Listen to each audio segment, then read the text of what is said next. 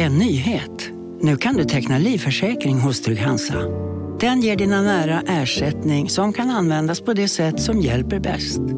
En försäkring för dig och till de som älskar dig. Läs mer och teckna på trygghansa.se. Trygg Hansa. Trygghet för livet.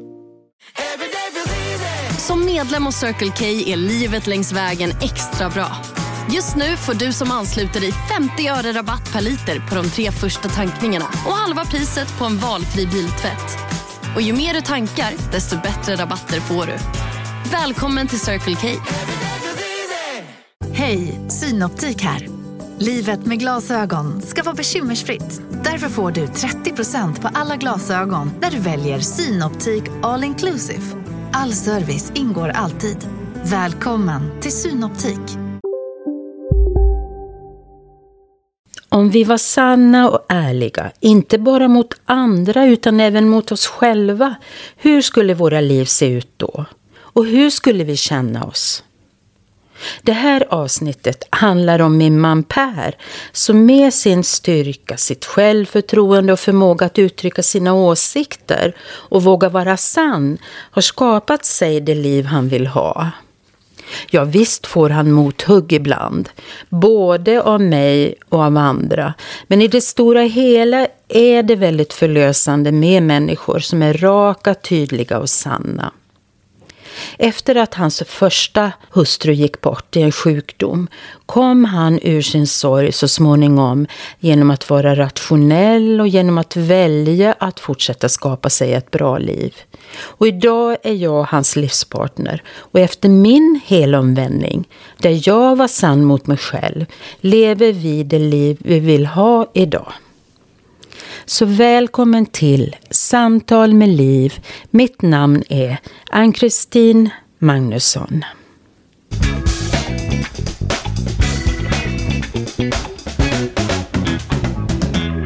Välkommen Per. Tack så mycket. Jag är glad att du är här och du är min man.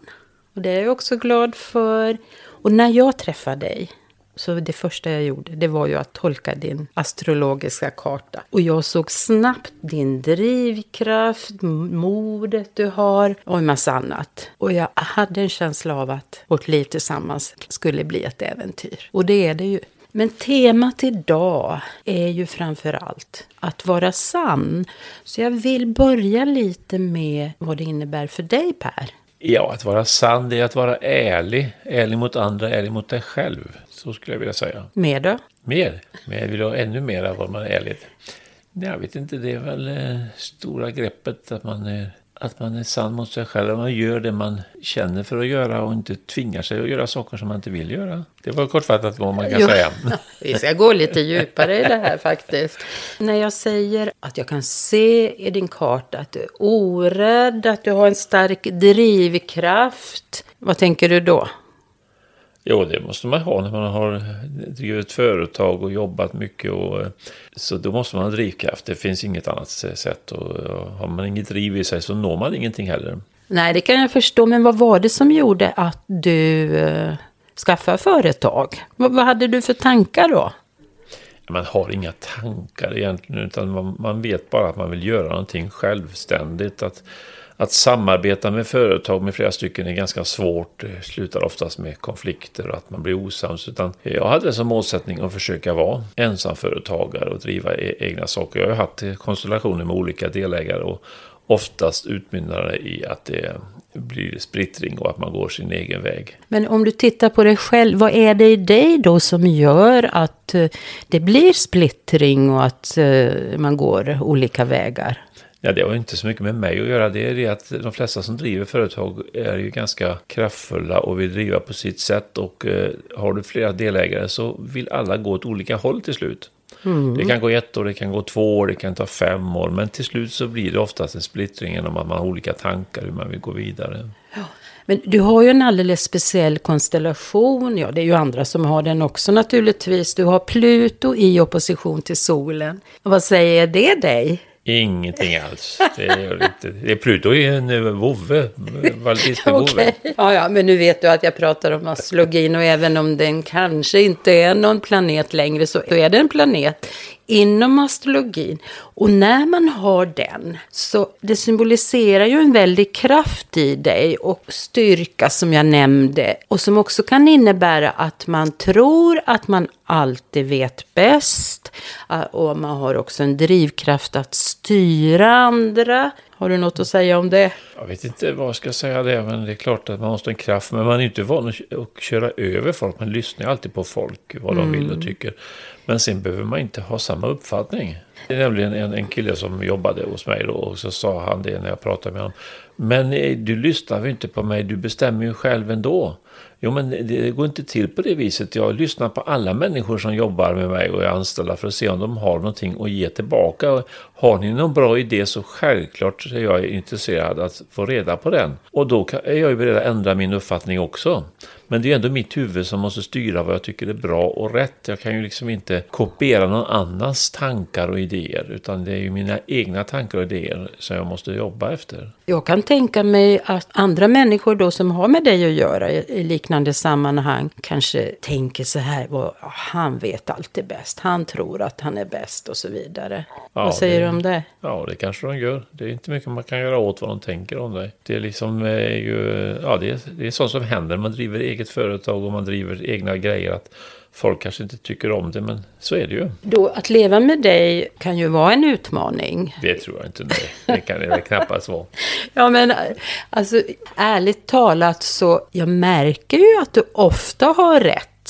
Du är klarsynt, du har förmåga att ha en överblick och se uppifrån så att säga. Och du, du har också en förmåga att se vad konsekvenserna blir om man gör si eller så. Och det kan vara ganska irriterande för att jag tycker det är lätt att jag får en känsla av att, ja, att du är en besserwisser. Sen får jag ju kapitulera för att eh, ofta har du ju rätt, men inte alltid. Nej, har man, man, har aldrig, aldrig alltid rätt, det har man inte. Nej, nej men det är bra att du medger det här nu. Vi ska ju vara sanna nu. Var alltså, det inte så? Okay. Ja, ja, ja, försöka det då. ja, men... Nej, men man, alla har ju sin uh, uppfattning om saker och ting och, det får man respektera. Det är jätteviktigt att folk säger vad de tycker och mm. tänker.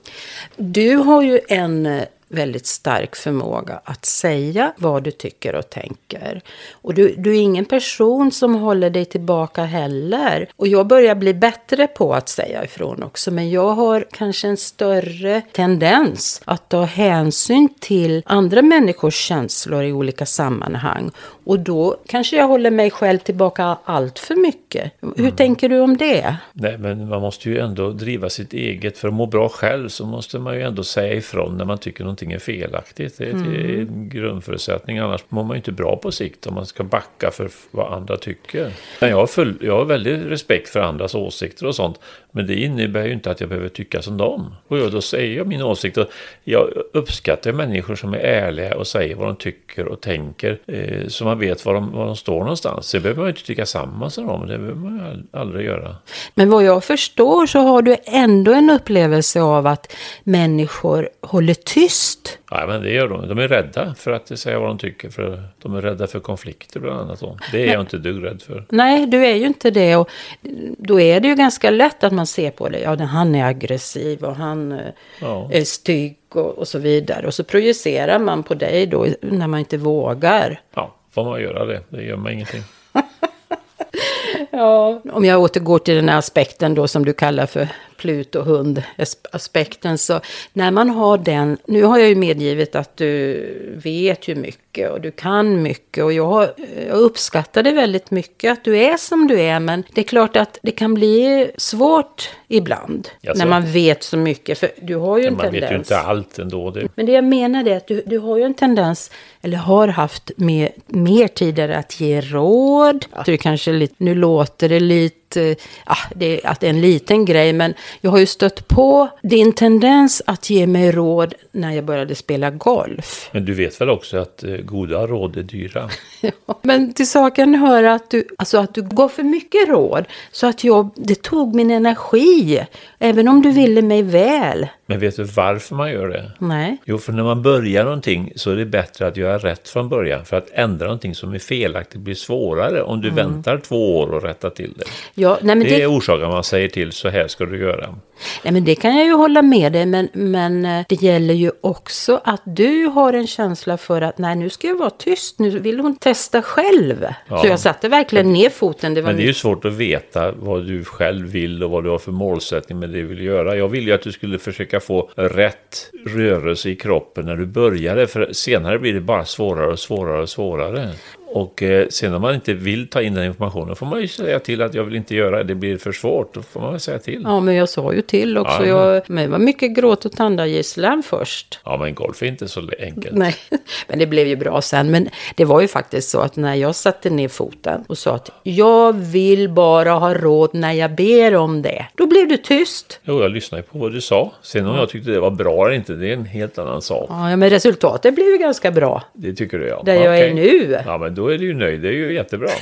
Nej, men ah, varför jag tar upp det här det är ju att visa att det kräver ju en del av motparten. Där du är inblandad då i olika sammanhang. Att den, alltså det är väldigt lätt att lå- låta sig köras över av en person som är så stark som du. Mm, det är mycket möjligt. Men det är ju välvilja man talar om vad man ska göra. Ja, jo men det, Det är ju förstår inget jag. ont uppsåt i det. Det, sen är det ju också, ja det är viktigt att jag sätter en gräns eller andra människor sätter en gräns gentemot dig. För att det är klart att när du vet och kan så mycket du, inom det området, vissa områden är du ju väldigt duktig.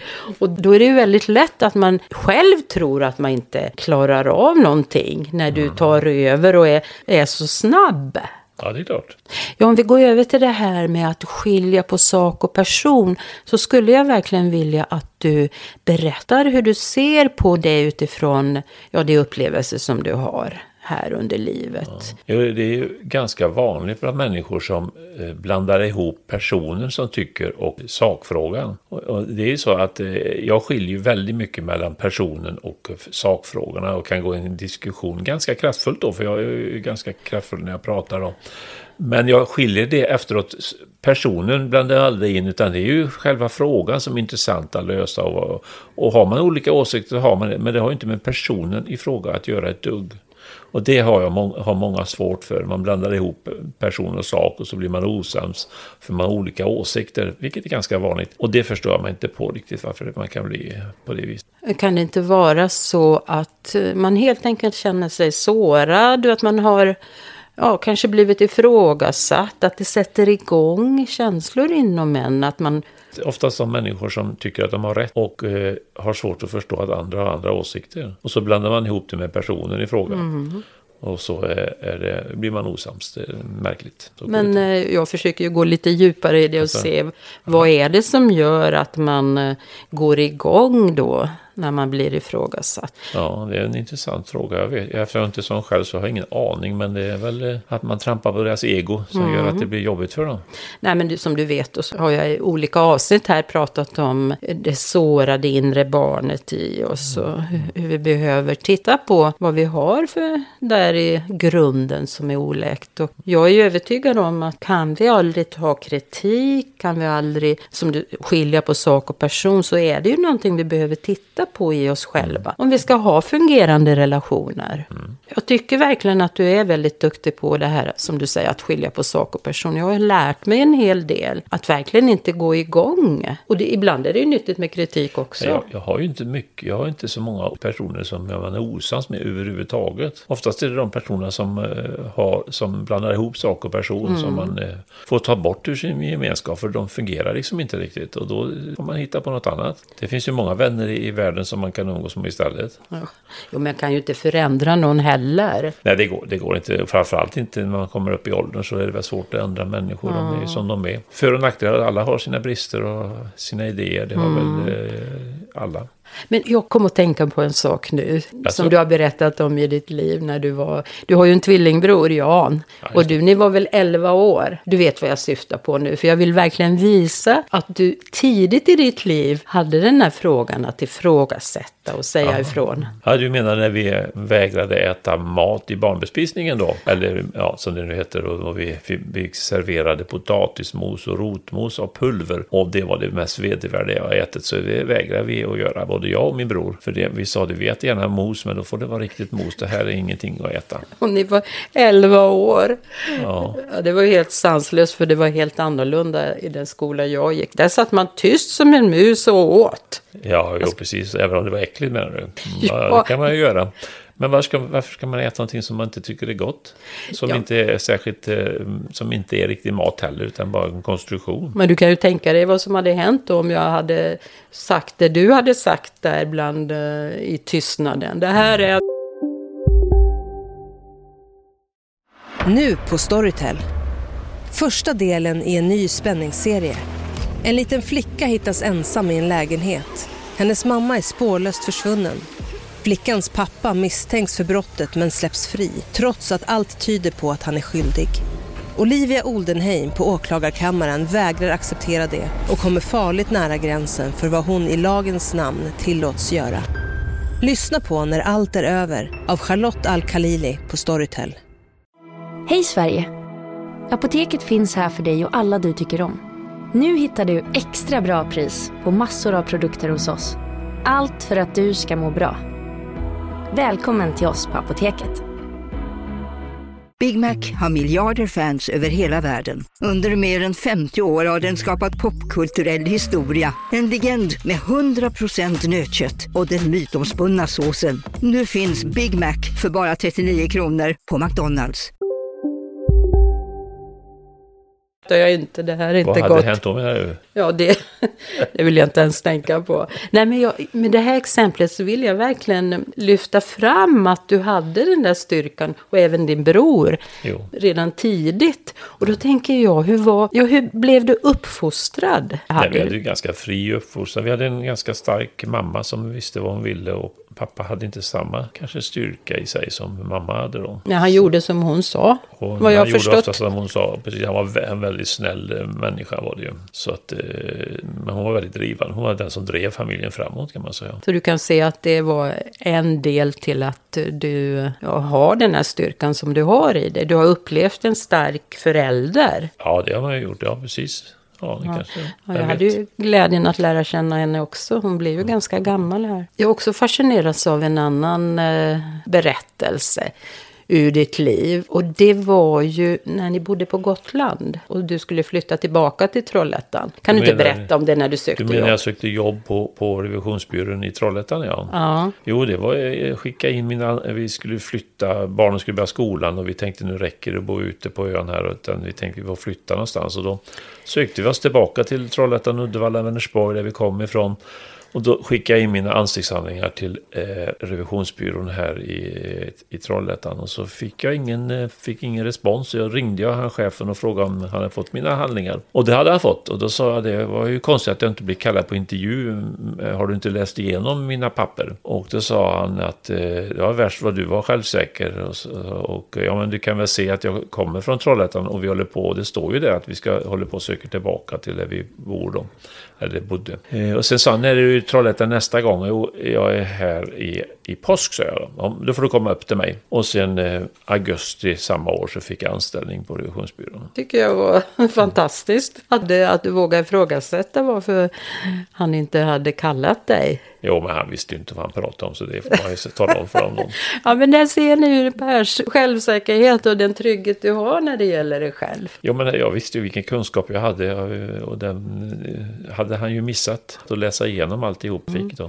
Jo, men förstår du hur världen skulle se ut om vi alla hade den här, det här självförtroendet och vågade ifrågasätta? Ja, jag vet inte. Det kanske blir bättre värld.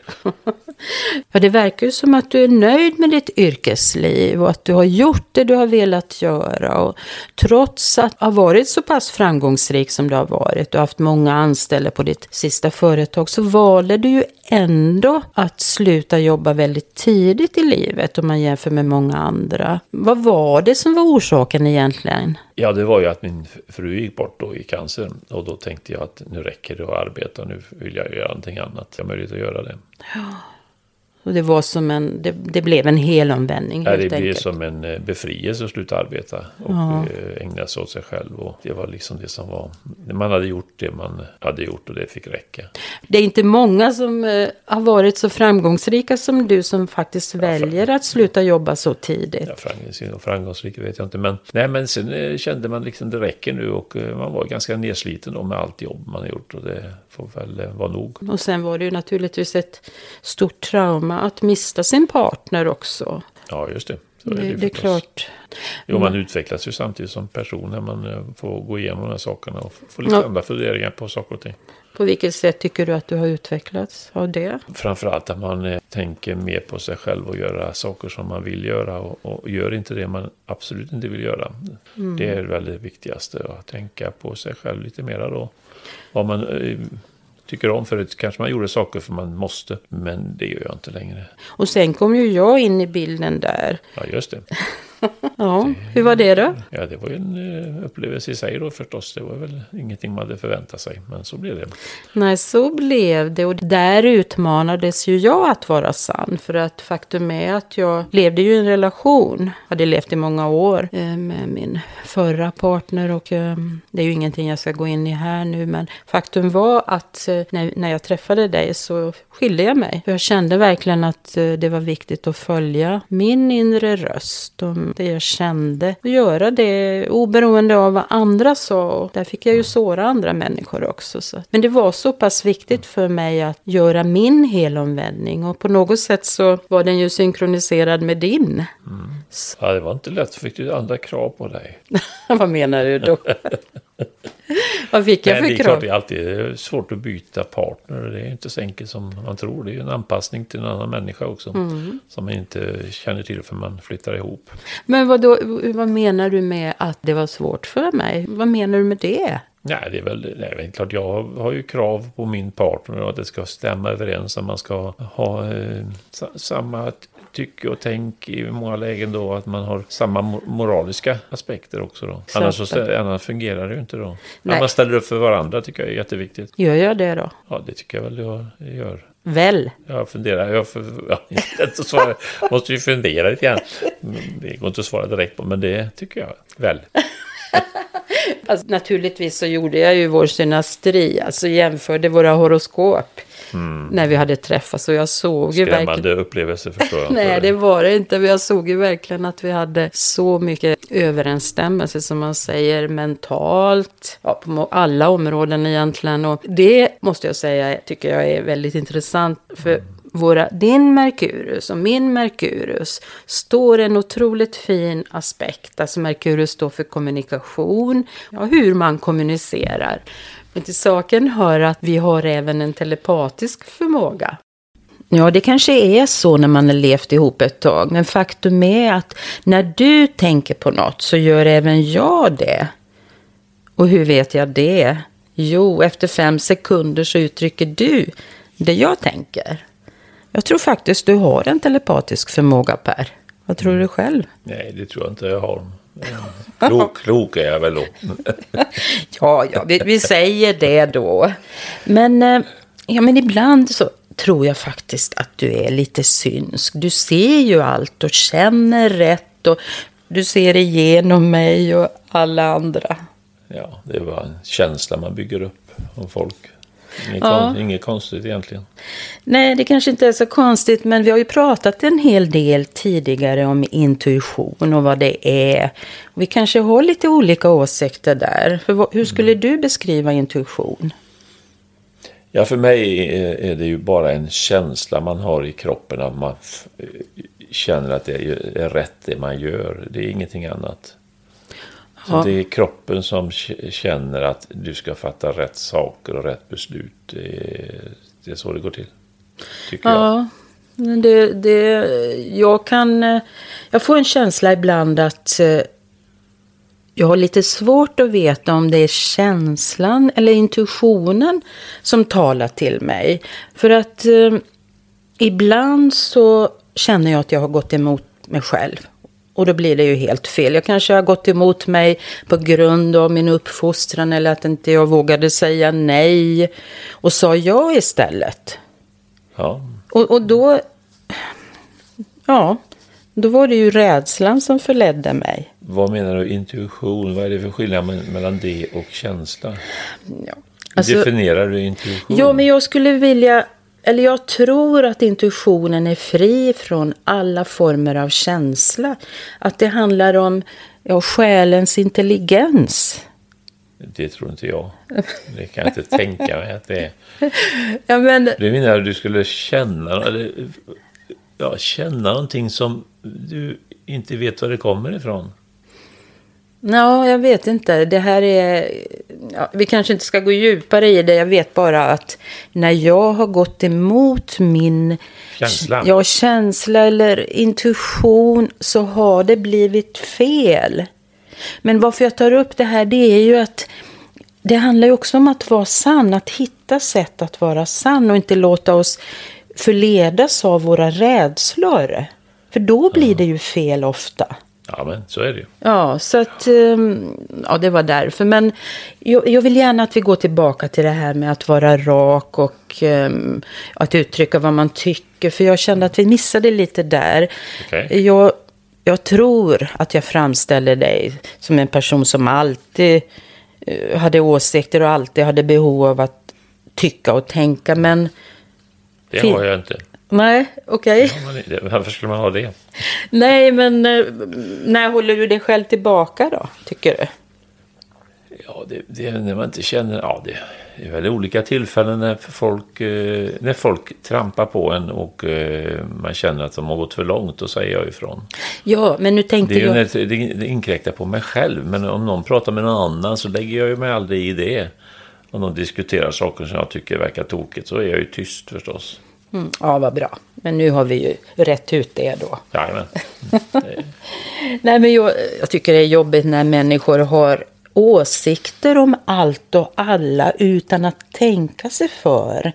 Ja, till exempel om andra människors utseende eller ja, den är tjock, den är mm, smal och vilka läppar och, ja, och så kastar man ur sig det och så tänker man inte på personen under. Det finns ju någon orsak till att du gör saker och ting. Och bakom fasaden finns det ju alltid en, ja, något fint. Så jag, jag, blir väldigt, jag tycker det är väldigt jobbigt. Och vi, sen får man ju välja naturligtvis, men vi stannar ju kvar i det negativa och påverkar andra negativt. Håller du inte med? Jo, det är ganska vanligt att folk har åsikter om allting. Ja. Nu när du ser tillbaka på ditt liv och tänker på din förra frus bortgång eh, ganska tidigt i livet. Vad skulle du vilja förmedla till andra om hur du kom tillbaka till livet? Ja, efter den första stora sorgen då som händer när någon går bort så måste man ju tänka framåt. Man måste ju tänka, vad vill man ha för liv? Man kan inte leva i en sorg hur länge som helst, utan man måste fundera på, vad ska jag göra med mitt liv nu? Hur ska jag gå vidare? Och det finns ju ingen annan möjlighet att leva, vid- men att leva vidare. Man kan ju inte stanna upp och leva i det förgångna, utan man måste gå vidare. Det är jätteviktigt. Och så bestämma sig, hur ska jag göra och hur, ska jag, hur jag vill jag ha det i framtiden? Men det underlättar ju naturligtvis att du och jag blev förälskade. Det, det underlättar ju alltid att man hittar någon ny som man kan leva med, som passar bra in och som man trivs med. Då. Men det är ju inte alla förunnat att göra det, trots allt. Utan man måste söka något annat i så fall. I livet, vänskap eller på annat sätt om man inte hittar någon annan att leva med. För jag tror det är viktigt att man inte stannar upp. Ja, det var ju verkligen meant to be att vi skulle vara tillsammans. Det fanns ingen annan väg än en gemensam för oss. Nej, det Eller hur? Inte. Nej, så är det. Nej, men just det här att vi båda vågade vara sanna och hade mod att gå den väg som vi gjorde hjälpte ju oss att skapa oss det liv vi ville ha. Eller vill ha. Jajamän. Är det Ja, inte så? Precis. Så är det. Man måste välja och så um, går den väg man tycker är bra. Nej, men jag är ju väldigt tacksam för allt. Att vi har rest så mycket innan coronan och att vi bodde i Frankrike i fem år. Och... Men sen var vi ju överens samtidigt att bosätta oss i Sverige igen. Jajamän. Sen ju, börjar ju barnbarnen komma och då kändes det ganska bra att det var ett avklarat del av livet att bo i Frankrike och flytta Mm. tillbaka till, i det här fallet, Vänersborg då. Men du, jag tänker på en sak eh, då i samband med att vi blev ett par som jag gärna vill dela med mig av. Jaså? Vet du vad det är? Ingen aning Nej. vad det kan vara. Nej, men det var ju precis som att någon eller något ville säga oss något när vi blev ett par. När vi insåg att dina söner har samma namn som mina. Din ene son hade födelsedag på samma dag som den ene av mina. Vi har en dotter var och din tvillingbrors fru och jag har födelsedag på samma dag. Ja, och min bror är också född på samma dag som mig. Ja, men han är ju din tvillingbror. Ja, just det. Precis så är det. Ja, men sen har ju våra systrar samma namn och din farfar och farmor hette exakt som min farfar och farmor. Det är lite spännande faktiskt. Ja, när, ja, men när man följer sin inre röst och vågar utmana sig själv så blir ju allt rätt. Det är väl det som är kontentan i det här avsnittet. Eller vad säger du? Jo, det tycker jag också. Det handlar mycket om sånt, ja. Men känner du dig nöjd nu eller vill du säga något mer? Nej, jag är jättenöjd. Jag har inget mer att tillägga nu här. Ja, men tack snälla Per för att du ville göra det här med mig. Ja, varsågod. Och tack kära lyssnare.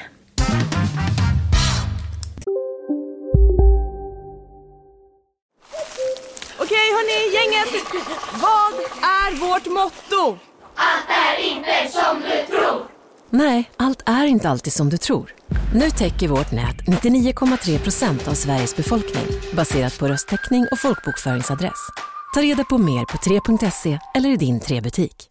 Hej, Susanne Axel här. När du gör som jag och listar dig på en av Krys vårdcentraler får du en fast läkarkontakt som kan din sjukdomshistoria. Du får träffa erfarna specialister, tillgång till lättakuten och så kan du chatta med vårdpersonalen. Så gör ditt viktigaste val idag, lista dig hos Kry. Välkommen till Maccafé på utvalda McDonalds restauranger med Baristakaffe till rimligt pris. Vad sägs om en latte eller cappuccino för bara 35 kronor? Alltid gjorda av våra utbildade baristor.